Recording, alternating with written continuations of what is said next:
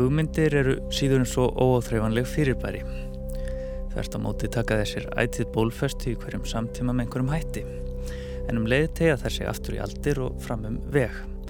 Í þessum þáttum 100 ár dagur um meir sem engan veginn má líta á sem tæmandi umfyllunum hugmyndir tengdar fullveldinu verða tilteknir hugmyndaströmmar fullveldisugunar rættir til fortíðar og framtíðar með hliðsjón af einum ákveðnum viðburði sem telja móti mark sem þær hugmyndir sem um ræðir. Ferðalokkur í dag hefst árið 1926 og er þar aðeins bröðið út af þeirri venju að velja tiltakna dagsetningu frá hverjum áratug fullveldisins. Efni þessa næstíðasta þáttar er áratugurinn 1928 til 1938 en í sjálfu sér er þar um aukaðrið að ræða því það fyrir ekkert á milli mála við höldum áfram með þessum þáttum að færast fjær samtímanum og lengra aftur eða væri rétt að segja fram Í átt til þeirra stundar er Ísland var fullvaldaríki í konungssambandi við Damörgu. Ferðalokkar hefst sem fyrr segir 1926 þegar Kristján X og föruniti hans heimsóttu Ísland tíu daga í júnimánuði. Það má staðsetja þessa dagsetningu í víðara samengi sem spannar um fjóra áratögi og Valdimar Hafstein þjóðfræðingur nefnir gullöld glímunar. Já, þessari gullöld glímunar þessu 40 ára tímabili frá heimastjórnar til sjálfstæðis nokkur með einn þá var varla haldið það mannamót á Íslandi að, að ekki væri synd glíma. Og uh, þetta er gert við konungskomur og svo sem líka bara fyrir ferðamenn og sumrin er synd glíma. Og öll helstu hátileg tækifæri og auðvitað þegar að uh, þúsund ára ammali alþingis var haldið uh, 1930 á Þingvöllum var sett á svið glíma þar líka og og það er til dásanlegt minnskeiða þessu eftir Loft Guðmundsson það sem menn sína glímun og þar sér maður á þessu minnskeiði með sterkum hætti hvernig nútíminn hefur haldið innreið sína. Maður sér þessa þetta afmarkaða glímu svið sem þarna er inn á því eru menn í nútíma búningnum að glíma ennu leið með vísan í líkama sínum aftur til fornalda til kappa þjóðveldisins Grettis Ásmundasonar og Egil Skallagreimssonar sem voru mjög að glímum og og beltið sem var veitt sem hérna verðunagripur í Íslands klíminni heitir jú Grettisbeltið eftir Gretti ásmundasinni þannig að fundum en skýra vísun aftur fyrir tíma kúunarinnar aftur fyrir aristokratana sem stóðu beinir því að þanga vildum en ekki sækja fyrirmynd aftur til hérna glæstu forfæra á þjóðveldisöldinni og gullöldinni sem átti að endurskapa. Og um, við hlið þeirra standa síðan dómarar sem eru klættir í dökk evrósk jakkafött og og hérna með bindi og sömulegðis áhröndunir sem er í, í eh, nútíma fötum sniðnum eftir evróskum borgarlegum fötum. Spariklæðnaður og, og þannig er þessi kontrast. Innan vallarins erum við forn, við glímum við vísum aftur til þjóðveldisins utan þess erum við nútíma fólk en að báðum stöðum fylgja með reglónum kallmanns líka minn stendur betn og þjættur á ofnverum vettfangi og utan vallar halda menn þessum hæfilögu fjarlamenn eins Karlmanns líkam og annar. Glímukappin er alltaf öðruvísi. Þeir, þeir, þeir haldu mitt í hverju öðrum og, og taka hvern annan og lær og, og reyna að brjóta þessa beinustellingu hverju öðrum. En standa upp í lokin og takast aftur í hendur sem taknum um sátt og, og hérna og jafningja stöðu þeirra. Og og það er til dásanlegt minnskið frá komu konungsins. Uh, eitt af síðustu skiptum sem danski kongurum kemur hingað og, og, hittir þegnað sína sem konungur þeirra. Og við konungskomuna eins og fleiri komur þá var sett á svið klíma fyrir kongin og þar glímdu nokkri fræknustu glímumennansins og að lokum var kríndur seguvegari, glímukongur heitir það og, og þegar hann hefur unnið úslita glímuna þá gengur hann yfir til danska kongsins glímukongurinn og danski konungurinn og danski kongurinn afhendur honum verðunagripin en áður en að gera það þá rétti danski kongurinn fram höndina og uh, þeir takast í hendur. Og þetta er nýtt augnablík þarna er að verða tímamót. 20 árum fyrr hefði kongurinn ekki rétt fram höndina. Handabandið þarna komið inn sem tímanna tákn. Handabandið er, er tákn jafningja uh, og uh, sáttar og, samlindis en, en ekki síst jafningja. Og var á þessum tíma tákn verkalýsreifingarinnar út um alla Evrópu. Þá, þá hérna, tókus menn í hendur á fundum verkalýsins og verkalýsfélagana og tákmynd verkalýsins og verkalýsbaróttunar var handabandið. Setna kemur kreftin nefin sem við þekkjum betur í stað handabandsins. En á þessum tíma er handabandið tákn verkalýsreifingarinnar sem er að skapa nýtt þjóðfélag eins og það stendur að skapa réttlátt þjóðfélag meðal annars með því að skapa samfélag jafningi að sem allur eru rétt háir og með sama rétt og takast í hendur sem, sem, sem staðfestingu þess. Þannig að þegar konungurinn rétti fram henduna til að taka til að, til að hérna, heilsa eða til að, til að gratulera íslenska bondasónin sem þarna er unni glímuna þá er eitthvað mikið að gerast, þarna er að skekja samfélagsgerðin. Hún skekst þú ekki meir en svo að, að á næsta ramma þá neyir bondasónurinn sig fyrir konginum. Þeir haldast í hendur og meðan hann lítur höfði og sínir lotningu. Konungurinn stendur áfram teinir réttur, maður sér valla, maður getur bara ímyndið sér og augun lútinir og nakka íslenska þeggsans þeggsins hans en, en, uh, en þarna koma saman handabandið og lotningin, handabandið og neyingin og síðan 20 árum síðar þá, þá, þá eru menn hættir að neyja sig. En uh, á þessu augnabliki þarna sjáum við nýtt líkamstákmál mæta því gamla ný uh, holdgerfing, holdgerfingins nýja samfélags, hins nýja þjóðalíkama þjóðalíkama sem allir eiga að vera jafnir í, í, í nútíma samfélagi mætir þessu líkamstakmáli fyrri uh, samfélagsgerðar þar sem að einn stjætt átt að lúta annari aldrei að horfa í augun á henni og, uh, það að, að líta beint í augun á einhverju sem var ofarsettur í, í þjóðfélagssteganum gætt fyrir ógnandi og húsríking gæti verið skamt undan en dyrðu stað 100 ára fyrr eða 30-40 ára fyrr. Og, og þetta finnst mér áhugavert móment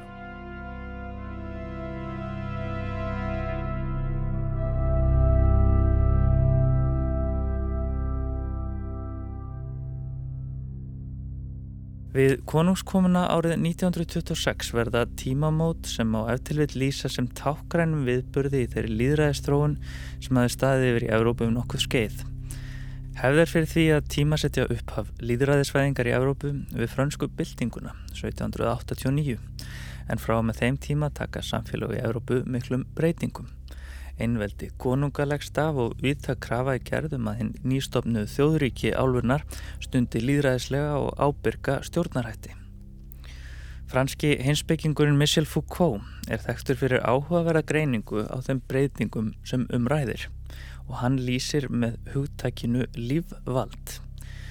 Hugtækið byggir á þeirri sögurskoðum Foucault að vald einvaldsins hafi raun fyrst og fremst verið einhvers konar lagavald sem byggði á því að skatleika framlegslu fremur en að skipuleika hana og dæma til dauða og refsa fremur en að hafa mikil áhrif á lífslaup þegna landsins.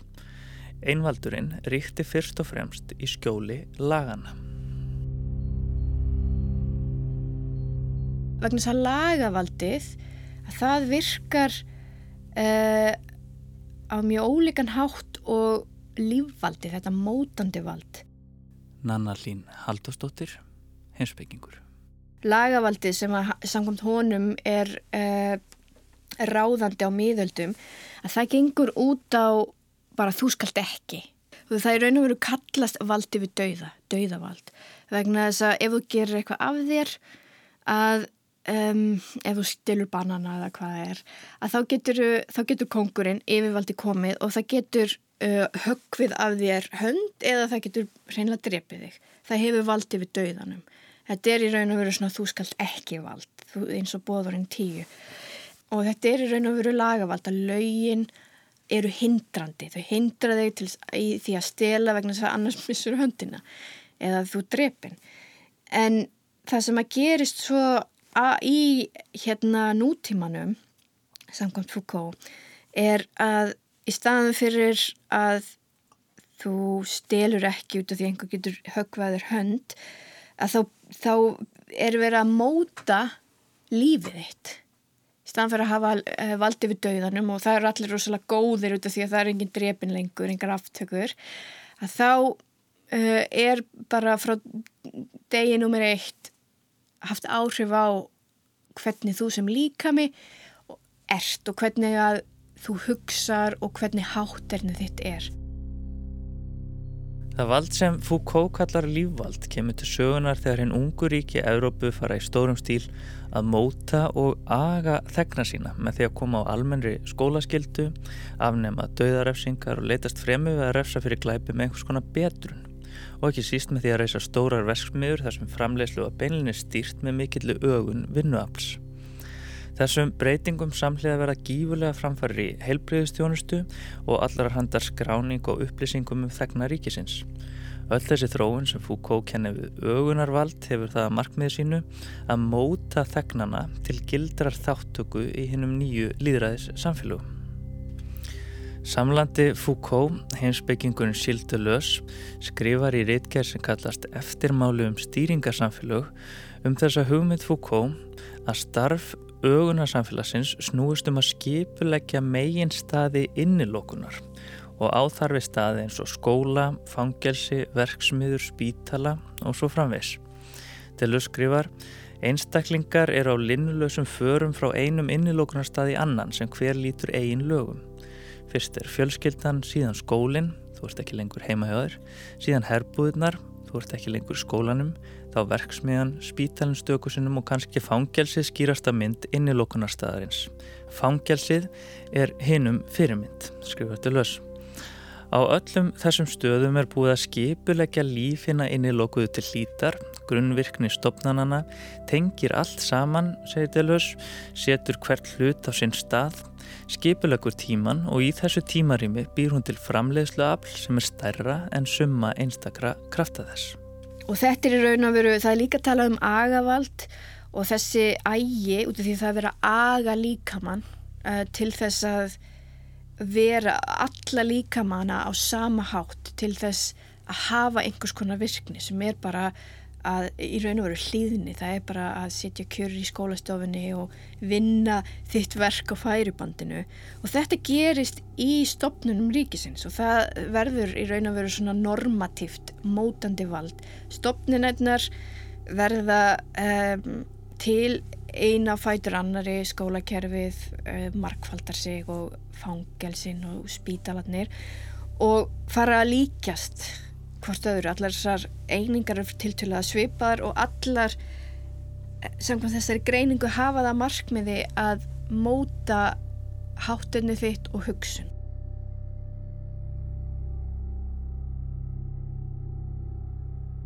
Það er fristandi að líta á gullöld glímunar sem eina byrtingarmynd ögunarvaldsins á Íslandi. Það sem er verið að aga eru líkamar glímukappana Það er verið að aga Karlmanns líkamann með nýjum hætti. Það er verið að aga þjóðar líkamann.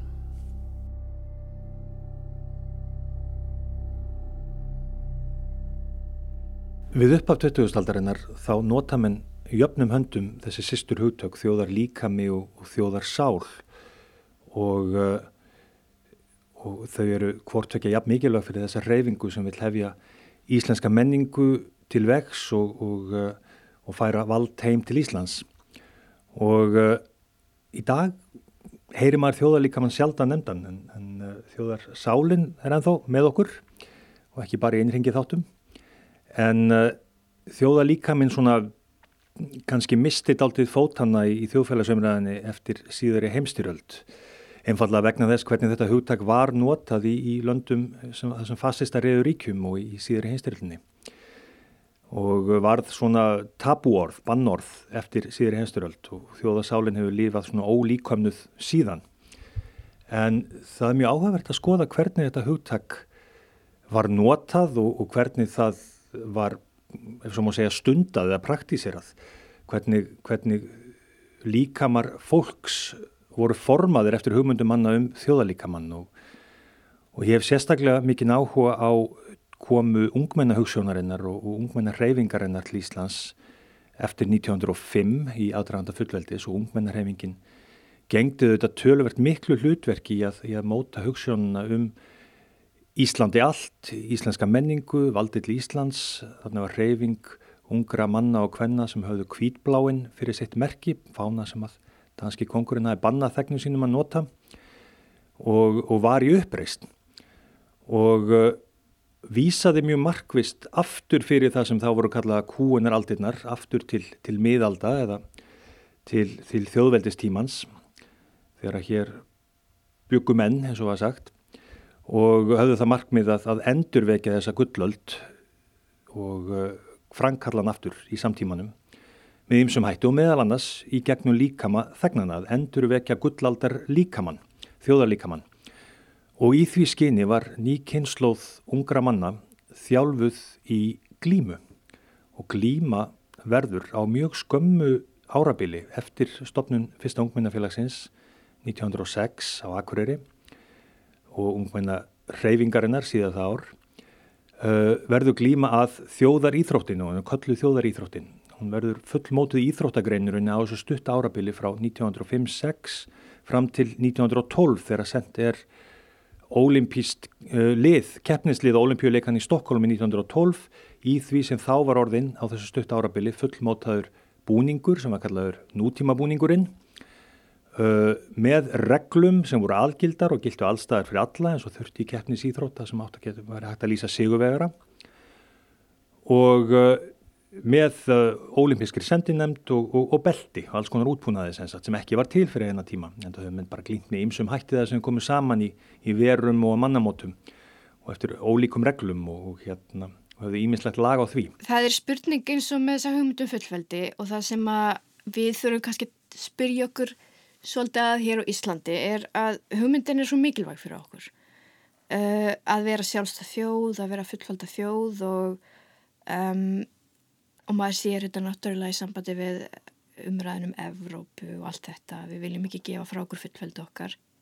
En svo kannski ef maður spáir í hvernig gera slutinir um, hvernig virkar valdið að þá um, að þá kannski liggja völdin ekki alveg 100% að minnstakosti hjá eh, rí, þeim sem ráða ríkjum stjórnvöldum og þá eða alþjóðastofnunum eða Evrópastofnunum eða hvað þannig heldur eru þau að einhverju leiti líka í mótuninni? Hvernig er raun að veru hvers konar einstaklingar verða til? Klíman er mótuð sem först íþrótt á þessum stutt árabili og eitt af því sem að verður þá hennar höfuð enginni er beina bakið. Í glímulögum sem eru mótuð þessum tíma stendur að menn skulu glíma beinir í baki og það er bannað að standa álútur og bóla eins og það heitir og það er svona eins og menn sjá fyrir sér í sumoglímu, menn standa álútur og bóla þar, nota fæturinn alltaf spilna, það má ekki spilna í glímu. Og ungir menn, nýkynnslóð ungra manna, vinnumanna og, og bændasinn svona er þarna þjálfuð í þessari nýju líkamstöðu að standa uppréttur, teinréttur, horfa með förstu fasi, með, með sterku augnaróði beint fram fyrir sig, horfa framann í hvern mann sem jafningja, standa beint með bakið örlíti fatt, fætur örlíti útskefa og þaninn brjóskassa og taka plás og, uh, og standa í rauninni, það er ekkert orðað öruvísi heldur en valdsmannlega. Uh, þeir taka sér þarna stöðu, líkamstöðu sem eru leið ný þjóðfélagsstaða. Það er mikilvægt átt að segja á því að, að líkaminn á hverjum tíma speklar gerð samfélagsins og í líkamannum sjáum við hvað er og segði í samfélagin og breytingar í líkansmenningu og í líkanstöðu endur spekla breyta þjóðfélagstöðu og, og endur speklan ekki bara heldur ekki þátt í að, að, að rinda, í, í, í, rinda breytingum í framkvæmt. Þannig að afar og, og langafar og feður þessar ungu glímukappa stóð ekki með þessum hætti. Þeir voru einmitt heldur álútir, litu niður eða til hliðar eða stóðu fram fyrir valdsmanni, kaupmanni og einbættismanni meðan að valdastjettin hafði þetta fas og þess að framkomi að standa bein og þessi líkamstaða er þegin í arf í rauninni frá uh, aðalsfólki í Evrópu, aristókrötunum í Evrópu á, á síður öldum sem að voru þrautþjálfæri því frá unga aldri í gegnum ímis konar dans sem okkur þykir skrítin í dag og, og skilmingar. Að standa teinréttir, uh, bera höfuð hátt, horfa beint fram valdsmannlega með þannig brjóskassan á meðan að alþýðan átt að lúta valsmönnum, átt að, að sína þeir lotningu og lotning er, má segja, fordleifar að þessu gamla líkans tákmáli og valda samskiptum stjættana e, í líkamannum að lotningar að lúta einhverjum, að, að lúta höfði og horfa niður eða til hlýðar. En við upp á 20. aldar þá er ný kynsluð alþjóði pilda sem tekur sér þessa stöðu og tekur upplásið og tekur sér valdið og horfa fram í hvern mann sem jafningja. Staða sem að feðu þeir og afar hefði ekki látið sér dreymum. Og þannig er eitthvað mikið á segðu, þannig er nútíma maðurinn að koma fram á Íslandi. Þetta er nútíma maðurinn sem er stoltur, hann er sterkur, hann er sjálfstæður og hann gerir kröfu til sjálfstæðis ekki síst með líkama sínum og þetta er henn nýje sjálfstæði þjóðarlíkami.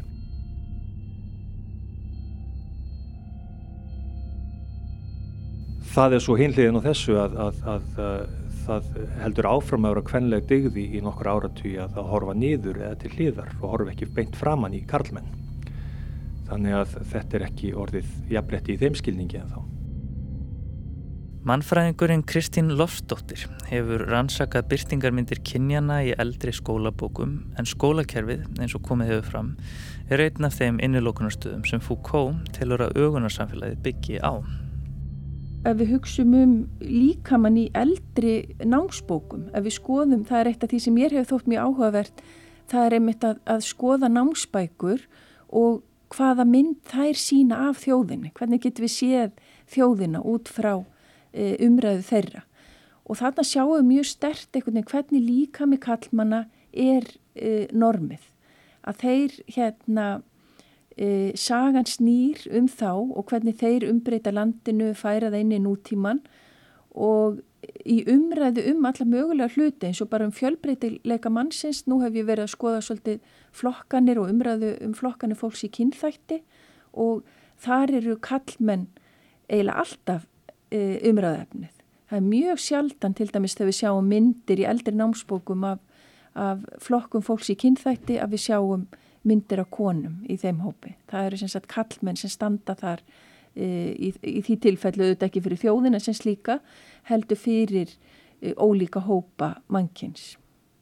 Og hér er mjög gaglegt að e, huga þeirri gaggrinni sem að feministar hafa komið með það sem að þeir hafa bent á hvernig konan er í raun oft líka með þjóðarinnar og þá með þessa sterku skýrskotun til að líka með konunnar er í raun líka með landsins. Hún fæðir af sér þjóðina, hún elur upp þjóðina og hún hérna e, er oft tákmynd þess sem er svona hérna hefða og þess sem er svona fast ekkert neginn gamalt í, í þjóðar e, líkamann og við sjáum mjög skýrt uh, konuna sem takkmynd landsins í hernaði það sem að ofbeldi gegn konum eins og nauðganir hafa mjög lengi verið einmitt ein leið til, til þess að leggja undir sig á takkgrannan hátt landi og þjóðina. Og þetta auðvitað við í dag eins og, eins og áður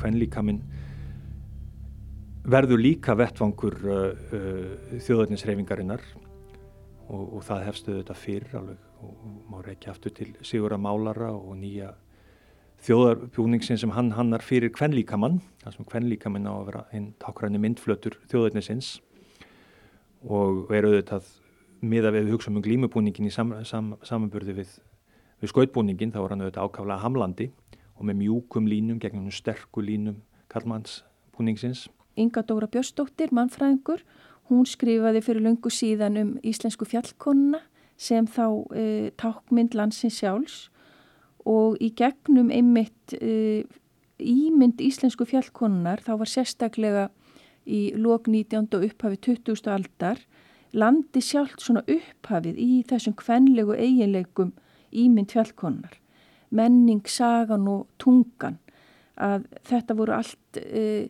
fyrirbæri sem að rú, uh, rúmuðust innan þessa tákmyndar fjallkonnar. En á sama tíma þá sjáum við einnig hvernig kallmenn tengjast þjóðin og svolítið annan hátt. Það sem verður ekki síst reyðið mig að þessu rannsóknarefni er, er það ógreini ljósmynda og tölverta af kvikmyndir sem til eru frá þessum tíma í kringum stopnum fullveldisins á fyrstu áratugum 20. aldarinnar. Uh, þar sem að sér byrtast með mjög skýrum hætti þennan nútíma mann, nútíma karlmann, þess að nýju karlmennsku sem kemur hinga til lands eftir aldamotinn, berst hingað með ungmennarhefingun ekki síst og er mjög afgerandi ólík karlmennsku 19. aldarinnar og, eh, og eitt af því sem enginnir unga menn og, og glímu menn á þessum tíma er að þeir eru skekklausir, það er stór breyting frá feðrunum þeirra og, og öfum. En á glímu myndunum byrtast okkur líka þessir keiku sterku menn sem að standa ávalt beinir og við þekkjum þess að stöðu öll af, af ótali ósmyndu frá þessum tíma með hendur fyrir aftan bak í því sem á leikskóla barnanum henni heiti Kórstaða með eh, brjóskassan spentan fram með höfuðborið hátt og, og augun spennt og sterk. Þetta er stert augnaráð og uh, búningurinn fullkomnar þetta, það er uh, búningurinn sem þróast á þessum tíma og var kallaður nútíma búningurinn er lofgjörðum um þessa nýju tegund karlmennsku það sem að glímumennir eru á hlýraból sem dregur fram vöðva og, og bringu og hérna brjóstvöða og eru síðan í svona þjettum, ljósum hérna leggings uh, og, og svo dökkum uh, stuttbuksum. Ásand síðan hennu dásanlega glímubelti sem var þróað á þessum tíma líka með höldum og hliðunum til þess, til þess að grípa í. Og glímubelti var reyndur uppalega bara hannað fyrir æfingar af því að það hérna, menn glímtu alltaf bara allklættir og og í, í hérna það vildi henda þá í mesta æsingnum að það ripnuði buksur eða, eða neglur á fingurum þannig að glímubelti var einu hanna sem æfingatæki til að koma veg fyrir að, að þetta gerðist. En svo var það bara oflott að fara að nota það í keppnu líka og var hluti af, af nútíma búningnum og, og beltið á samt þessum dökku buksum sem eru standa þá í kontrast við ljósa bólinn og ljósa leggings leggja þetta áherslu á karlmennsku klímumannina líka. Til að aga bara sjónur hann aðtegli beint að, að, að klófinu ásand sterku bringunni og sterku ögniráðinu.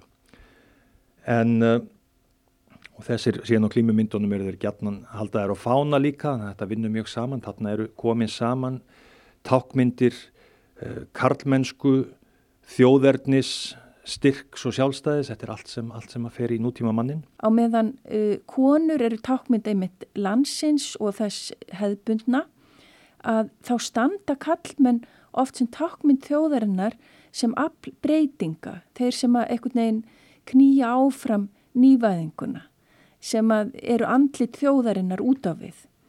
Og þetta sjáum við bæði í, í íslenskri umræðu í byrjun 20. aldar og svo líka í samtímanum, eins og það má taka sem dæmi íslenska landsliðið, uh, tilvísun í strákana okkar, að þannig verið að vísa miklu frekar til landsliða kallmanna sem landslið allra Íslandinga. Jafnvel þótt að konur sé að fá meira rými í íþróttafréttum og það hefur verið þessi gaggrína umræða að þá stand, stendur samt íslenska landsliðið, kallalandslið, miklu frekar sem holgerfingur íslensku þjóðarinnar heldur en hvenna landsliðið.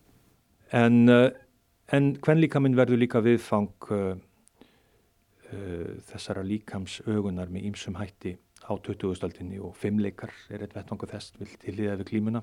Fimmleikar verður þetta fyrir bæði kyn en ef maður skoðar myndirna frá þessum tíma þá er þetta sérstaklega myndir af fimmleikahópum kvenna og svo sundið sem að móta líka nýja líkama bæði karla og kvenna og, og þar í, í hérna þegar maður skoða það sem reytað er í til að réttlæta sundið og byggingu sundlega á þessum tíma þá er ekki síst talað um það Íslendingar gangi álútir, þeir séu kreftir og það þurfa að rétta úr íslenska líkamannum og gera stoltan og sterkan líkama sem stendur beinn og sundlögin er eitt vettvangur þess, rétt eins og klíman, rétt eins og fimmleikarnir. Og þetta er hluti, þetta er stefur orraðið sem tegja sig út um alla Evrópu á lok 19. aldar og upp af 20. aldar og Mussolini talaði um það að, að lítalir eh, gangi kreftir og, séu eins og hann orðaði eins og kriplingar. Þurfa, þeir þurfa að læra að rétta úr sér og standa beinir. Og þegar að uh, hann byggir síðan stóran íþróttaleikfangi í Róm fór Mussolini þá leggur hvert hér að Ítalju til stittu af ítölskum líkama sem eru stiftir í mót rauninni grískra, klassískra stitta af, af ólimpískum líkumum, líkumum ungs fólks sem að þeim eitt stendur beint og tegn rétt og þangaður sótt fyrirmyndin.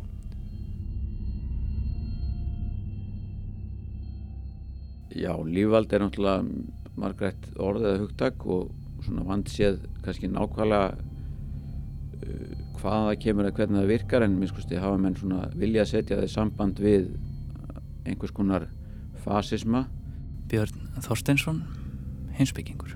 Menn hafa talað um svona mikrofasisma sem að gangi gegnum líf okkar alveg út í smæstu einingar og þá er kannski verið að tala um líkama okkar og, og hugskott og að valdið hafi áhrif allarleið þangað inn og til dæmis gerist þetta náttúrulega gegnum ímyndir og myndir og endalösa framleiðslu þeirra og, og kannski framleiðslu skoðana og, og skoðana skipta sem er nú að verða alltaf meir og meiri þess að framleiðsla akkurat þeirra.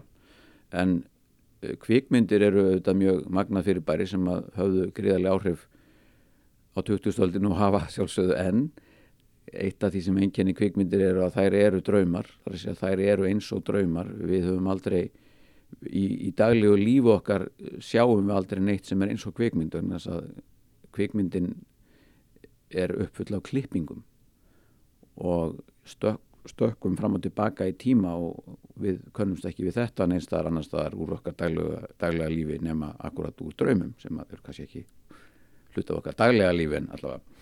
Og draumar eru þannig að eins og, eins og kvikmyndir sem þýðir að kvikmyndir eru eins og draumar og þegar við horfum á kvikmyndir þá er við svo litið verið að seilast inn í drauma okkar eða verða að framleiða drauma okkar þannig að þeir fara kannski að taka mark af því sem að taka mið af því sem að við okkur blasir á, á skjánum og það sem að öllum þessum myndur sem steipast yfir okkur og fara þá jafnvel að stjórna því hvernig við hugsaum og hvað okkur finnst vera mögulegt. Lífvaldið sem Michel Foucault greinir að verki á innuloknastöðum augunarsamfélagsins í skólakerfinu, fangelsum, verksmiðum, já, kannski ungmennafélugum, tekur miklum stakkaskiptum á 2000-stöldinni. Þetta er kjarnin í greiningu Sílstelös í tekstanum eftirmálu um stýringasamfélög þar sem hann skrifar Ögunin víkur fyrir nýjum öflum sem smám saman festust í sessi og komust á verulegt skrið á árunum eftir síðari heimstyröldina þá vorum við ekki lengur í ögunarsamfélagum, við höfðum skilið við þau. Blómatími glíminar, getur við sagt, er á þessu cirka 40 ára tímabili frá heimastjórnar til sjálfstæðis. Þá blómstrar glíman og verður alls ráðandi um all land og, og það er hérna nána skilda fyrir unga menn að læra glíma og, og verður ekki bara nána skilda, verður hlut af, af skólanámskráni og Og svo eftir síðari heimstyrjöld þá uh, fer að fjara undan glímunni, en ekki bara glímunni, heldur fjara, fjara undan glímunni sem hluta því að það fjara undan þessari gerð karlmennsku sem að rutti sitt í rúm með svona afgerenda hætti við upphaf aldarinnar. Samfélagsbreytingar sjáum við alltaf í mannslíkamannum og, og líkamstaða fólks endur spekla þjóðfélagstöðu þess og, og og þannig getur við lesið breytingan sem gerast eftir síðara stríð úr því hvernig ungi menn fara að bera sig á svona 20 óra tímabili verða breytingar. Hérna frá stríðslokum og, og, og uh, fram á miðjan 7. áratugin að þá hætta menn að bera sig eins og feðu þeirra. Þá er búið að þjálfa tvær þrjá kynsluður ungra manna í því að standa keikir og teinréttir og, og við sem að sér þetta á ljósmyndum þar sem tvær kynsluður standa saman að feðurnir eða afarnir standa beinir og þjettir og, er með hendur fyrir aftan bakjarnan og meðan sinni er að halla sér upp á bílnum eða standa álútir, hallundi flatt og eru kúl með alveg nýjum hætti. Uh, glímukappin var mest í töffari sem við gæst fundið árið 1912 eða 1918 en töffarar 1958 eða 68 stóð allt öruvísi. Og þá er komin í ný karlmennska sem við sjáum speklast líka í, í dægurmenningarhetjum eins og James Dean eða Presley eða Johnny Cash setna sem við hefum aldrei séð standa með sama hættu og glímumennir. Þeir lúta til hliðar, þeir eru slakir, þeir eru svalir. stimamíkri. Já, hérna, það er mjög áhugavert sem að, sem að hérna, pólsk-enski eh, félagsfræðingurinn Sigmund Báman talar um að hann talar um að eh, áður byggum við panoptikum þar sem að, þar sem að eh, fáir fyldust með mörgum. Núna er búin við sín, sínoptikum þar sem að margir fyl, fylgjast með fáum með því að horfa á þessi á sjónvarpið á, á, hérna, á þessar stýrimyndir sem að fyrirmyndir sem að eru fáar að þá eru margir þeim eru stýrt með því að horfa á þá sem að stýra þeim en ekki öfut og þannig að hann talar um að valdið í samfélaginu eh, fari þannig fram að, að, að, að liminir dansa eftir, eftir þessum fáu höfnum sem, er, sem er, þeir fylgja, fylgjast með.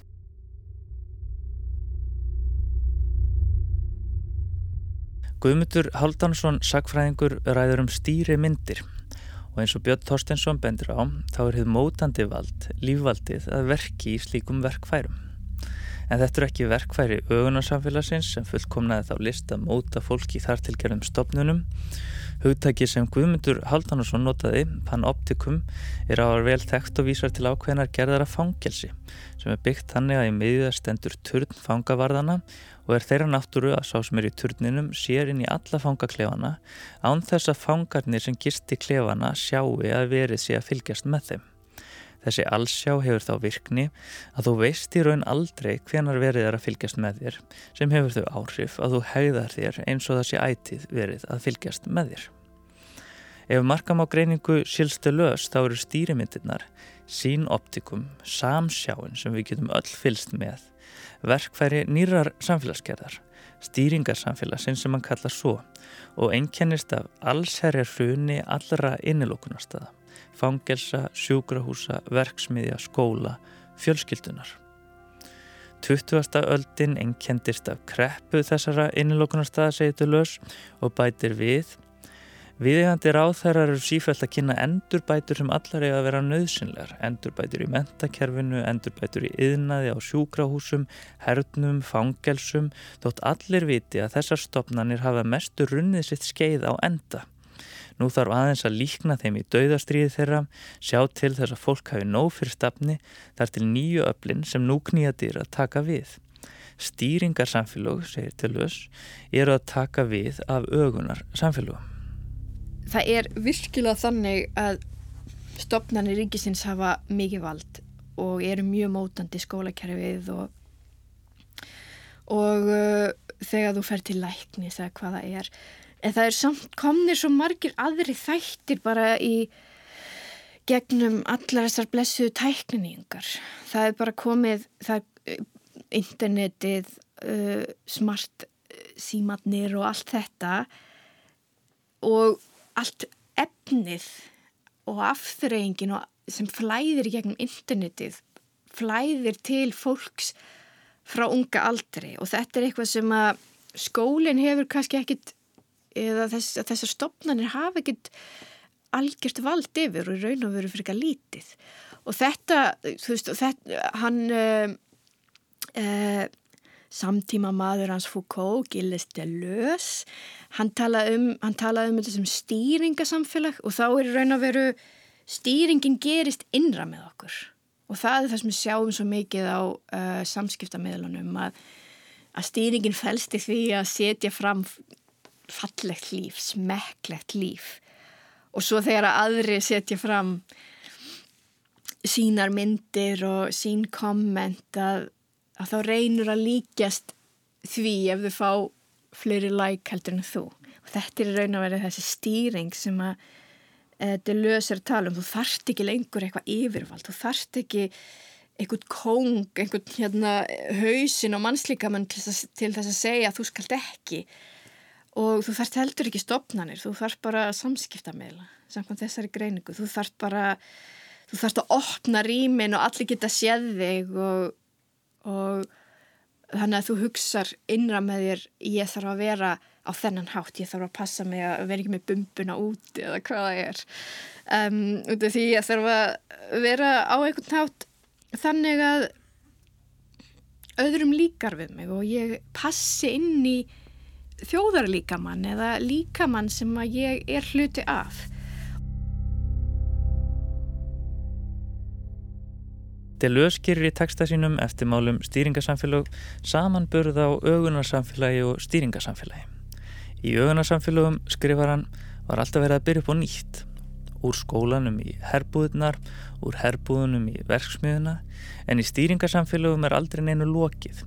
Viðskipti, þjálfun og herrþjónusta eru hálfstöðu formstillingar sem gerist á sama tíma, eins konar alltæk ummyndun. Til að skerpa á greiningunni ræðir til lös munin á tilskipunum sem verkfæri augunarsamfélagsins þar sem ríkið hefur enn töklu haldir og kóðans sem er verkfæri stýringarsamfélagsins þar sem mun markbrotnar í valdaöfl takast á og eiga það enga síður sammeilegt að vera í auknumæli stjórnað af stórum tölvukerfum. Síðan grýpur lös til samlíkingar við tvær dýrategundir, moldvörpur og höggorma. Ögunarsamfélagið með stofnunum sínum og innilókunarstöðum er samfélag moldvörpuna sem ferðast eftir þar til gerðum göngum í gegnum jörðina. Stýringarsamfélagið er aftur á móti síbreytilegt, hlikkjast eins og höggormur án fyrirframgifna stoppbröta. Við höfum farið frá einu dýri til annars, skrifar þau lös. Frá moldvörpum til höggorma, ekki aðeins í kerfinu sem við búum í, heldur einnig í lifnaðarháttum okkar og tengslum við annað fólk. Ögunamaðurinn framleiti orku í afmörkuðu meiningum en stýringarmaðurinn gengur í bylgjum á leiðum samfelt sviðu ólíkra sporböga. Brimbretta brun hefur tekið við af gamlu íþróttunum, segir Delös og þó að nefni íslensku glímuna sjálfsögð ekki þá má að sjálfsögð endur orða þessa síðustu setningu. Brimbretta brun sem nýtur endar aukina vinsælda við strendur landsins hefur tekið við af íslensku glímunni. En um lífvaldið sem það er eitthvað sem að virka samt okkar á milli þannig að við höfum áhrif hvert og annað með því hvernig við tölum og höfum okkur og klæðum okkur og á hvaða tónlist við hlustum og hvaða bækur eða tímaritt eða vefsíður við lesum og við erum stöðut að miðla þessu hvert til annars og, og, og með því eru við rauninni svolítið að kenna hvert öðru að hugsa og haga sér og þetta er ákala vand með farið allt saman og, og þegar eiginlega þegnanir verða of hvað ég segja of uh, hérna mótanlegir í höndum uh, valdsins, ef við megum orðað svo, þá, þá getur uh, valdið náð ótrúlega langt í því að svona svolítið draga kannski einhvern þrótt úr samfélaginu og, og gera fólk að svona hálfgerðum söfngenglum sem að láta hvað sem er viðgangast eða réttar sagt gefvel, taka þátt í hverju sem er og þessi svona kannski nýlega dæmi úr sögu líðræðisins og vesturlöndum geta kannski verið sem þjónað sem dæmi um, um það hvernig þetta getur gerst. Þannig að, að fólki er stýrt og það er gert á, á mjög marga vegu og það, þetta er eitt af því sem að, sem að þetta nútíma samfélag sem við lifum í núna það eru auðvitað þessar leiðir ögunar er orðnar miklu anarkískar en þeir voru. Það er orðið, það er orðið það er einhver sem stýrir þeim, það er einhver sem á Facebook, það er einhver sem að, að forritar þessa hluti. Og við sjáum núna hvernig, hvernig, eh, hvernig eh, stjórnveldi einu landur er fannir að nýta sér þessa miðla til þess að hafa áhrif á það hvernig fólk hegða sér og hugsa í öðrum landum sem að það farið að spila fólk að nátt eh, sem að kannski alltaf verið gert. En það, það, það er orðið svo óljóst hvaðan þetta vald kemur hver er það sem heldur í valdatöman það er það veit ég lengi en áður var það nú svona yfirlega tildulega einfalt og, og ljóst. Þetta voru, það var fadurinn sem var valdið. Eða hver er fadurinn í okkur samfélagi?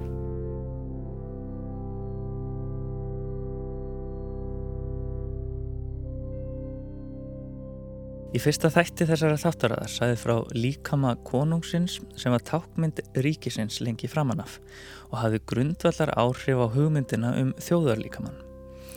Á fórsíðu verksins Leviathan eftir Thomas Hobbes sem kom út árið 1651 má sjá þennan líkama í allir sinni dýrð. Konungurinn er með hrokkið hár og valdsmannslegt yfirvaraskegg, hann byr kórun og höfði og er með sverði í annari hendi og veldisbrota í hinni. Það enkenlega við myndina er að líkaminn er samansettur úr mörgum smæri líkumum. Líkami konungsins og limitnir eru þjóðfélagið allt en höfuðið er eitt. Konungurinn er höfuð þjóðar líkamanns. Þessi tákmynd valdsins er í raun tákmynd feðraveldisins og rekur rætu sína til kenninga um líkama Krists. Þegar Silste Lös lýsir ögunar á stýringasamfélögum, grýpur hann aftur á móti til samlíkingar við dýr til að lýsa samfélagsgerðinni. En ef til vill þarf að leita enn lengra til að finna hæfilega samlíkingu fyrir samfélag nútímans, hvers konar líkami er samfélagið í dag? Og þessi líkami er náttúrulega kannski allt öðruvísi heldur en uh, þessi myndlegging af mannslíkamannum og uh, ég, ég veit ekki, ég held þetta sé svolítið eins og Amaba. Um, vegna þess að Amaban hún um, miðjan eða substansið í henni er alltaf að færast. Og þú veist ekki almennilega hvar valdi liggur eða miðjan, það er ekki hérna um, kongurinn eða forsetisráð það er eitthvað þannig heldur er það kannski Hollywood, það er kannski Google um, eða einhver allt önnur valdaöfl sem er á bakvið Google eða hvað það er.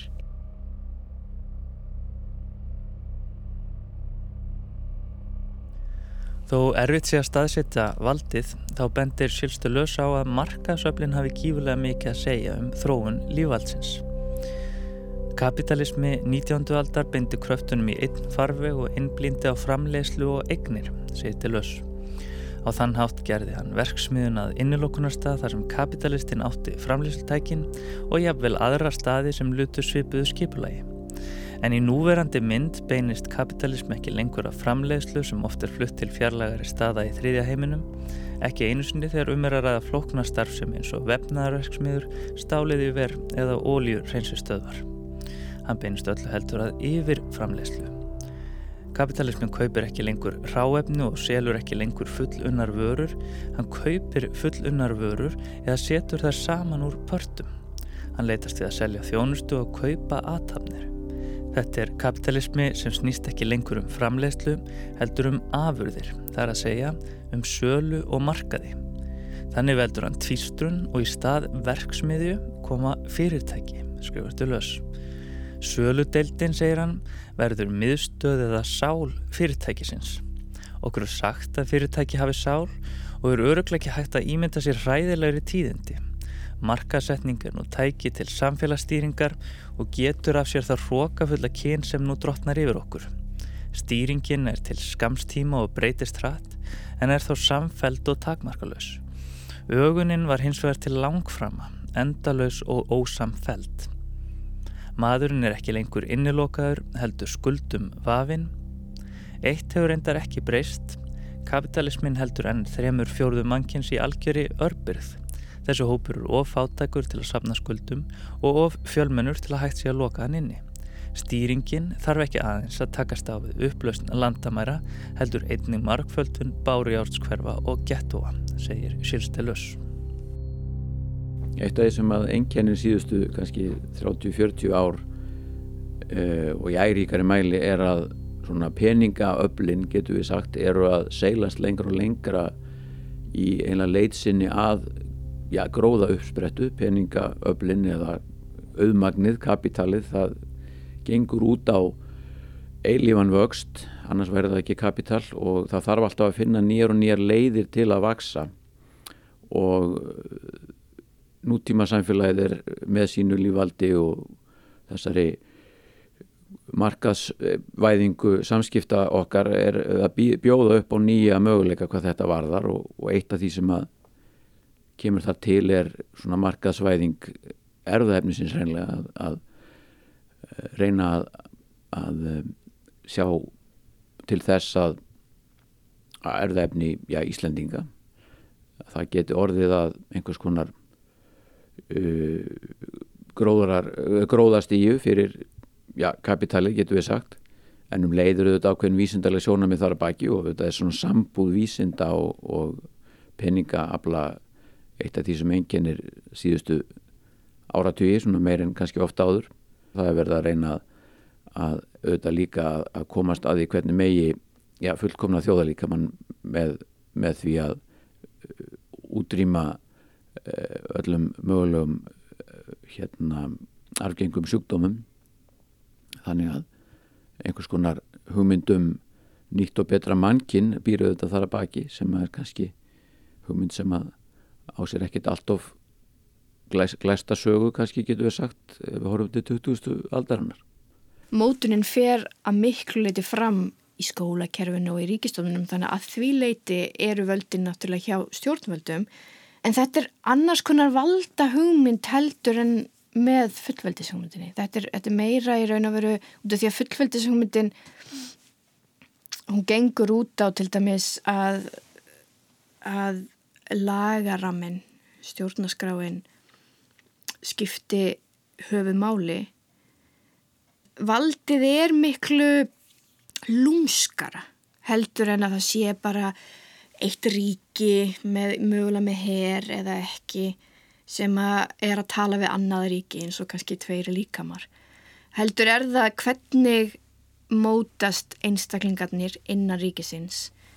Og það er ekkit alltaf í samrami við laugin og það er ekkit alltaf í samrami við hvað má ekki gera sem er þá helsti kraftur lagan er að, er að þú veist, ef ég stel hérna bananátt í búða þá get ég farið í fangilsi heldur er það í raun og veru miklu meira hvernig uh, hvernig að hugsunin okkar er mótuð sem að gerist náttúrulega miklu leit í skólakerfinu en svo gerist það líka þú veist, núna náttúrulega afskaplega mikið í gegnum bara internetið og Hollywood og alls konar önnur öll sem ekki einu sinni skólakerfið ræður yfir.